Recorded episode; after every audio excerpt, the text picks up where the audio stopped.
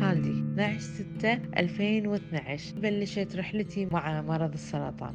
أي شخص يعرف هالمرض وايد أمور تطري على باله. شنو راح يصير؟ شنو؟ هل أنا راح أموت؟ هل أنا راح أعيش؟ راح أحترق من الجرعة هذه أو لا؟ في مواقف صعبة طبعا. بالمرة الأولى كانت آه، كل الأشخاص حواليني. بس لما اكتشفت مرضي بالمرة الثانية لقيت في أشخاص قاعد يتساقطون. المرة الثانية كانت وايد أمور كانت تضايقني بس اهتميت بنفسي. قلت أهم شيء أنا مع الفحوصات الدورية اللي أسويها كل سنة كون إن حاشتني إصابة أولى. فاكتشفت مرة ثانية إن أنا مريضة سرطان الثدي للمرة الثانية وبناء على التحليل اللي طلع بالأورام تبين أن الورم لازم أخذ فيه علاج كيماوي. بالجزء الأول من حكاية حنان تعرفنا عليها كمحاربة وكزوجة فقدت زوجها بسرطان الدم. فهالشي سبب تعبها النفسي وإصابتها بسرطان الثدي. اكتشفنا قوتها وشجاعتها وأملها وإصرارها لتحدي الإصابة. بس ما اكتشفنا لهلأ سلاحها السري وسبب قوتها. عن حنان الأم رح نحكي بهالجزء. بعد ما أصيبت مرة أخرى بسرطان الثدي كان لازم تحكي لنا عن ردة فعل أولادها وكيف تعاملت معهم.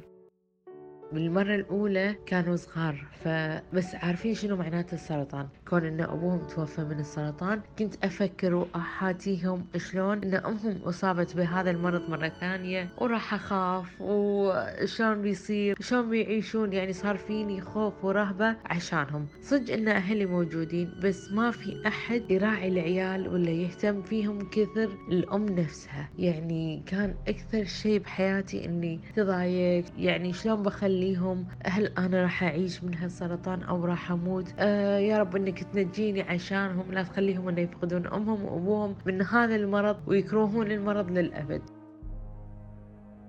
فكنت أفكر فيهم وايد كونهم عيالي والمرة الثانية يوم حاشني المرض أيضا كنت مو عارفة شلون أوصل لهم رسالة إن أنا حاشني المرض مرة ثانية شنو بسوي ما أسوي قعدت معاهم قلت لهم رايكم نطلع ونغير جو. وأنا رايحة معاهم وكذي كان أقول لهم اليوم رحت الطبيب والدكتور كلمني وقال لي إن فيك ورم ثاني سرطاني. واحدة منهم قالت شنو راح تسوين؟ كبرى هل راح تاخذين علاج كيماوي أو لا؟ قلت لها إي نعم راح آخذ علاج كيماوي. والحمد لله رب العالمين إني قدرت إني أتغلب على هذا المرض. وعيالي كانوا وايد حريصين إني ما ما يزعلوني. كانوا وايد حريصين إن أنا ما أتضايق على أمور تافهة. فكثر ما يقدرون كانوا يدورون راحتي. عن الأمومة والحنان يا حنان وعن أطفالها اللي كانوا يبادلوا أمهم نفس الشعور هو شعور المسؤولية عنهم. فترة العلاج اللي كنت أخذها علاج كيماوي كانوا عيالي دايما نايمين عندي آه، كله أنا وياهم بغرفة واحدة وينامون بحضني ولدي الصغير. ففترة العلاج انجبرت أني أنام أنا بغرفة بروحي مدة أسبوع عشان أحافظ على المناعة والتعب اللي يصير معاي. وكنت وايد وايد متضايقة إن شلون بخليهم وأنام بغرفة ثانية. فالحمد لله إني قدرت يعني أحاول إني أنام بس كنت أقلل المدة كنت أرجع أنام وياهم بنفس الغرفة. ما أحب أخليهم بروحهم. وايد أمور كانت تضايقني إذا فترة العلاج بالذات إني أنام بغرفة بروحي بس كنت أرجع لهم. أقعد أول يومين ثلاثة أيام وعقب أرجع أنام معاهم بنفس الغرفة. بس هالمرة هم بسريرهم وأنا بسرير بروحي. يعني كانوا يخافون على صحتي. ماما لا أنت خليكي بعيدة عنا عشان صحتك ما نبي مناعتك تكون نازلة. نكون إحنا تعابة ولا شيء. نعديك ولا تصيري مشغولة ولا تعبين. إحنا خايفين على صحتك ماما. فالحمد لله آه قدرت إني أتخطى هذه المرحلة بس تمسكت بنفسي انه يعني ما ضايق نفسي ولا ضايق عيالي. كثر ما أقدر والحمد لله استمت قوتي منهم أيضا أن فترة العلاج مو هينة مرحلة صعبة. فالحمد لله أن كانوا مقدرين صحتي مقدرين اللي قاعدة أسويه مقدرين أن أمهم مريضة سرطان وأن هم يبون حياتها يبون وجودها عندهم. مثل ما أنا كنت أبي وجودهم وما أبي أفقد نفسي عشانهم. ما كنت أخلي السرطان يحاربني أو يقضي علي عشانهم. لأن هم الروح اللي أنا أتنفسها كان مصدر قوتها وسلاحها هم أولادها. محاربتها كانت لأجلهم ولأجلها كأم تسعى أن تربي أولادها وتشوف مراحلهم الناجحة بكل اللحظات. مثل ما سبق وحكيت إنه المواقف أو اللحظات أو الأيام الصعبة اللي بنمر فيها بتكشف لنا وجوه ناس كتير. بس كمان هالتجربة الصعبة بتكون سبب لنا أو فرصة لنا جديدة نحقق شيء أو ننجز شيء بحياتنا نفتخر فيه. من بعد ما تعافيت. بفضل رب العالمين حبيت إني أوصل رسالتي لجميع مرضى السرطان كل من المتعافيات. كمريض أو قبل لا يصيب المرض أنه لازم يبادرون بهذا الفحص. حبيت أني أكون ناشطة اجتماعية عن مرض السرطان أوعي أشخاص عن النظام الغذائي أوعيهم عن القوة والإيمان بالله التمسك بالله أن في أمل بإذن الله أن ما يأسون من هذه الحياة. كل شيء بيد رب العالمين. الشعور اللي بيلي الصدمة والخوف والتخبط النفسي جراء أحداث كتير بنمرق فيها.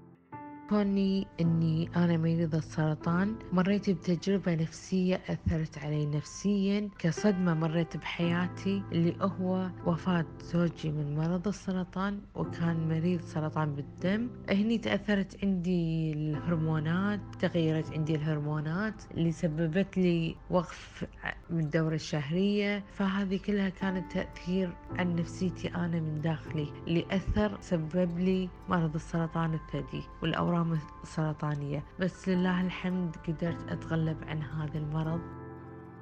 وفاة زوجها كان سبب للتخبط أو الحالة النفسية الصعبة اللي كان لها دور كبير بإصابتها بسرطان الثدي. لكنها ما فقدت الأمل ولم تقبل أنه ترضخ. أما عن الهدف اللي بنسعى له وبنأمل بتحقيقه. هدفي بالحياة أدعم وايد ناس إنهم يحاربون هذا المرض ويطلعون يتكلمون عن تجربتهم ويبينون حق الناس إن السرطان مو معناته نهاية العالم معناته حياة جديدة. هدفي إني أوعي أشخاص وايد من هذا المرض. الانتصار والانتباه.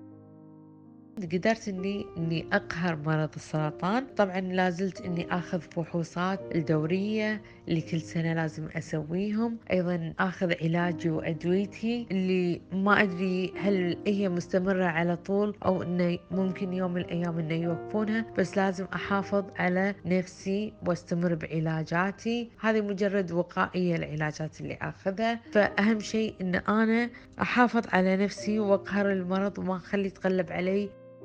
عن الناس والأشخاص اللي ما بننسى وقفتهم معنا. أول شخص وقف معاي أمي وأبوي عسى الله يحفظهم ويطول بعمرهم. طبعا يدي الله يرحمه لما درى أني أنا مريضة سرطان. قال حق الوالد أخذها وعالجها برا الكويت. أهم شيء أن تنقذ بنتك من هذا المرض. كثر ما تقدر أنك أنت تساعدها تطلعها من هذا المرض. أخاف أني العلاج مو متوفر بالكويت. ودها برا تتعالج. لله الحمد آه، تعالجت بالكويت. يعني ما خليت المرض يأثر علي. وكانوا جميع أصدقائي واقفين معاي وإخواني وأخواتي كلهم واقفين معاي. فترة المرض هذه اللي كانت فترة صعبة بالنسبة لهم وبالنسبة لي. ورسالة حنان كانت؟ كثر ما تقدرون حافظوا على الأكل الصحي. حافظوا على النظام الغذائي المحافظة على ممارسة الرياضة بانتظام الفحص الدوري سواء كان المريض أو الأهل احتمال يكون هذا المرض وراثي فلازم يبادرون الأهل بالفحص المبكر أو الفحص الدوري. الحالة النفسية لمريض السرطان ضرورية تكون حالته حالته النفسية طبيعية أو تكون ممتازة لأن إذا كانت حالة سيئة راح هني تنزل عند المناعة. وأيضا الابتعاد عن الضغوطات النفسية لمريض أو الأهل. حاولوا كثر ما يقدرون الأهل إنه ما يحسسون ان مريض إن أهله تعبانين نفسيا بسبته هو. لأن إذا شافهم هم تعبانين هو راح يتعب. أيضا لا ننسى الإيمان بالله تعالى والابتلاء من رب العالمين عشان يختبرنا بس.